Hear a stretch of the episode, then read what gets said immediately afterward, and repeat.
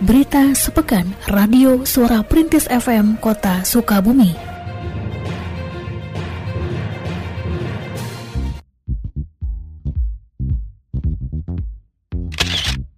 Setelah melalui proses seleksi yang ketat, akhirnya terpilih lima orang pemuda pelopor Kota Sukabumi tahun 2022.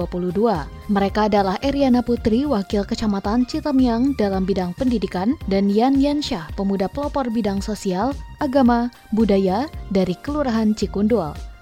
Kemudian Ijai Jailani dari Kelurahan Situmekar yang menjadi pemuda pelopor dalam bidang sumber daya alam, lingkungan, dan pariwisata.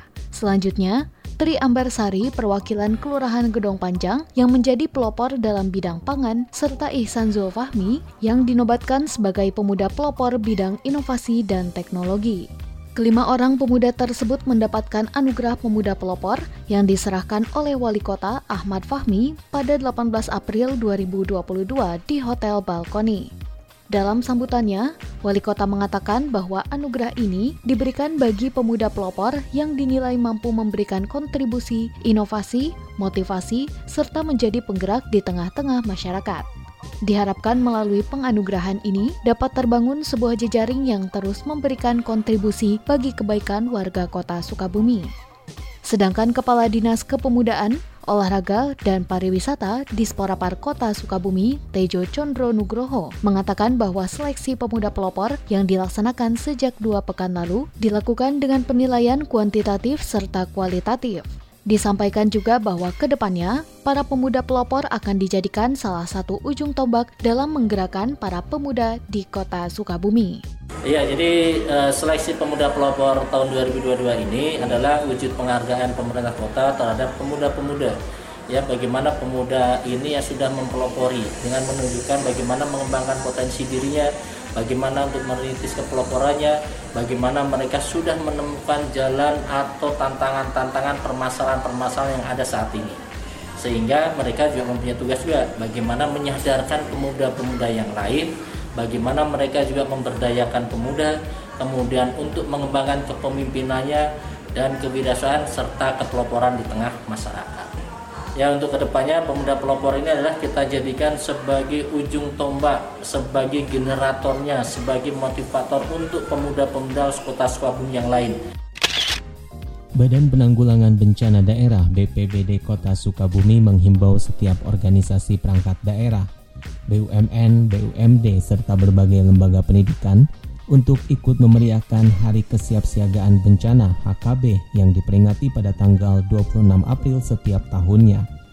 Kepala Seksi Pencegahan dan Kesiapsiagaan BPBD Zulkarnain Barhami saat ditemui pada hari Rabu 20 April 2022 mengatakan setiap pihak dihimbau untuk memasang spanduk bertemakan keluarga tangguh bencana, pilar bangsa menghadapi bencana, serta meramaikan tagar siap untuk selamat Selain itu diminta juga untuk membuat video safety briefing, panduan keselamatan saat darurat di tempat kerja.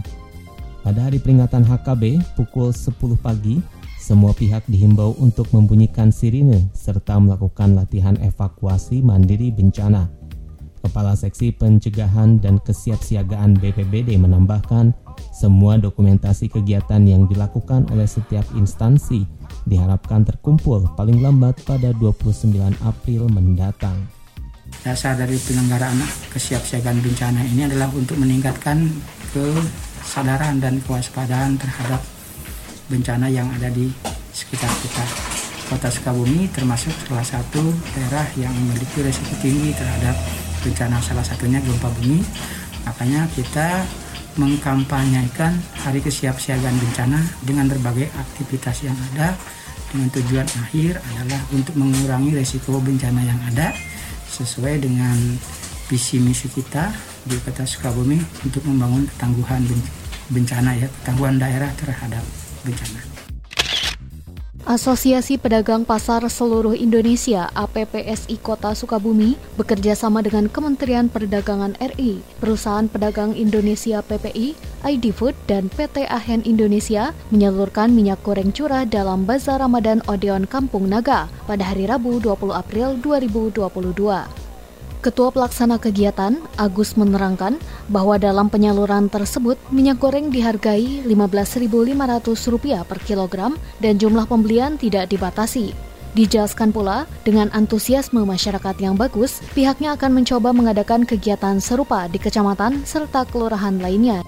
Ketua DPD APPSI Kota Sukabumi, Nandang mengatakan, dalam kegiatan ini disalurkan sebanyak 7.450 kg minyak goreng curah dengan sasaran para pedagang pasar dan pelaku UMKM. Distribusi minyak goreng yang merupakan salah satu program APPSI tersebut diharapkan bisa membuat harga minyak goreng kembali ke harga normal.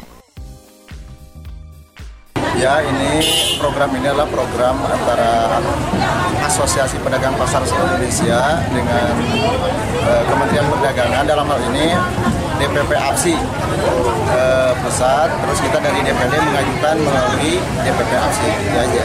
Dikirim 7.450 kg untuk yang tahap pertama rencana dan tahap keduanya juga sama 7.450. Sarannya kepada para pedagang pasar dan pelaku UMKM di Kota Sukabumi. Ada di antaranya ada syarat KTP dan NPWP bagi yang eh, penerima ini.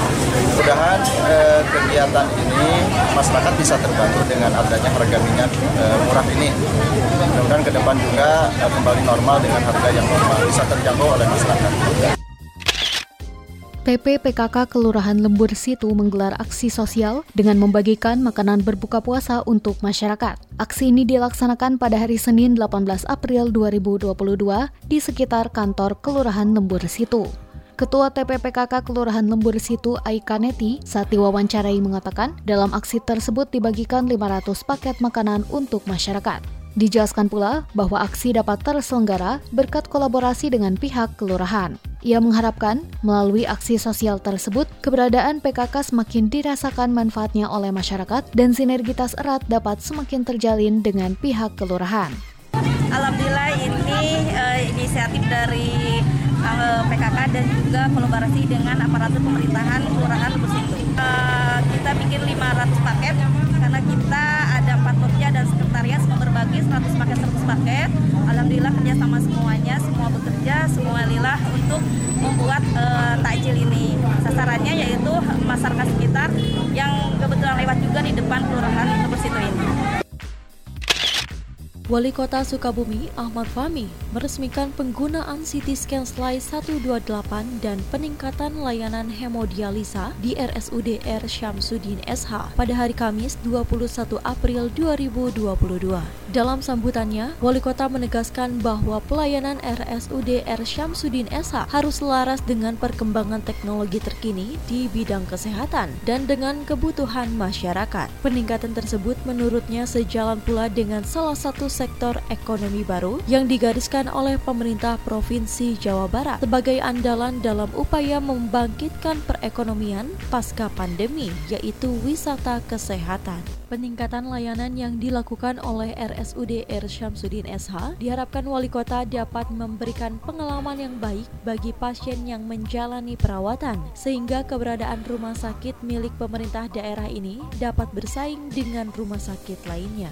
Sedangkan PLT Direktur RSUD R Syamsuddin SH, Yan Yan Rusyandi, menjelaskan bahwa layanan baru tersebut merupakan hasil kerjasama dengan salah satu mitra KSO atau kerjasama operasional. Menurutnya, kerjasama yang diatur dalam peraturan wali kota dan berdurasi maksimal selama lima tahun merupakan alternatif yang bisa diambil di tengah keterbatasan anggaran yang menjadi kendala dalam peningkatan layanan. 16 itu mengamanatkan bahwa rumah sakit itu dapat melakukan kerjasama jadi kerjasama itu adalah kerjasama untuk pengembangan layanan. Nah maka yang dilakukan oleh kami sesuai amanat peraturan wali kota tentang pengelolaan kerjasama bahwa ada mitra KSO, mitra kerjasama itu dia punya alat nih, punya mesin CT scan, dia punya mesin hemodialisa, disimpan alatnya di kita, kerjasama lah kita sama mitra kerjasama melayani pasien. Nah baru dari situ ada hitung-hitungan pembagian bagaimana proporsi untuk penyedia, bagaimana proporsi untuk rumah sakit. Yang jelas berarti kan dalam keterbatasan sumber dana dari pemerintah tidak bisa menyediakan untuk pembelian nah maka kerjasama ini menjadi alternatif yang sangat uh, memungkinkan untuk dilaksanakan dalam rangka tadi pengembangan layanan dalam tadi segitiga bagaimana mempertahankan era kompetitif, kompetitif yang seperti tadi sudah diarahkan oleh Pak Wali Kota. Wali Kota Sukabumi Ahmad Fahmi menyampaikan bahwa pemerintah Kota Sukabumi bersama Forum Komunikasi Pimpinan Daerah Forkopimda seperti TNI, Polri telah melakukan koordinasi dan konsolidasi agar masyarakat dapat dengan tenang menyambut serta memperingati Hari Raya Idul Fitri 1443 Hijriah. Hal tersebut disampaikannya dalam keterangan pers seusai apel gelar pasukan operasi Ketupat Lodaya di Terminal Tipe A Kiai Haji Ahmad Sanusi pada hari Jumat 22 April 2022. Wali kota yang menjadi pembina pada apel tersebut juga mengingatkan agar masyarakat tetap menjaga protokol kesehatan selama peringatan Idul Fitri, terutama karena tahun ini berbeda dengan dua tahun sebelumnya, dengan telah diperbolehkannya melakukan perjalanan mudik. Sedangkan terkait bahan pokok penting, Wali Kota menjelaskan ketersediaannya terjamin dan Hamin 10 menjelang lebaran diupayakan agar harga tetap terkendali tidak terjadi lonjakan. Pak Kapolres, kemudian juga Polri, TNI, kami melakukan konsolidasi di ranah Forkopimda. Sehingga persiapan-persiapan dalam kerangka menyambut Idul Fitri ini dapat dengan maksimal untuk dilaksanakan oleh para petugas yang nanti akan mendampingi menjaga masyarakat di wilayah. Ini juga dalam kerangka kita menyampaikan pesan kepada warga masyarakat. Silakan warga masyarakat melaksanakan Idul Fitri menyampaikan kebahagiaan, kemudian silaturahmi dengan keluarga, karena kami dari para aparatur senantiasa akan memberikan pengamanan yang maksimal dalam pelaksanaan Idul Fitri tahun ini. Kita mencoba mengantisipasi jangan sampai terjadi kenaikan bapak ting di 10 hari terakhir menjelang Idul Fitri. Personil dari berbagai unsur seperti TNI, Polri, pemerintah, dan berbagai organisasi akan mulai diterjunkan di beberapa lokasi pos pengamanan sebagai bagian dari pelaksanaan operasi Ketupat Lodaya mulai besok Sabtu 23 April 2022. Kapolres Sukabumi Kota SY Zainal Abidin menerangkan, hal ini dilakukan untuk mengantisipasi gelombang pertama mudik yang diprediksi akan terjadi pada akhir pekan ini. Kesiapan dalam rangka operasi Ketupat Lodaya 2022 yang mana kita mulai kegiatan pada pagi hari ini dengan melakukan kegiatan gelar pasukan. Gelar pasukan ini dilaksanakan sesuai petunjuk dari pihak Mabes Polri untuk dilaksanakan kegiatannya lebih awal untuk mengantisipasi adanya lonjakan arus mudik gelombang pertama yang diperkirakan terjadi pada long weekend kali ini. Oleh karena itu, maka kemudian kami dari pihak Forkopimda Kota Sukabumi kemudian menerjunkan sejumlah 830 personil di mana 430 personilnya itu berada dari pihak unsur kepolisian kemudian 400 personil lainnya dari unsur TNI dan begitu dari instansi terkait yang ada di wilayah uh, pemerintah administrasi Kota Sukabumi.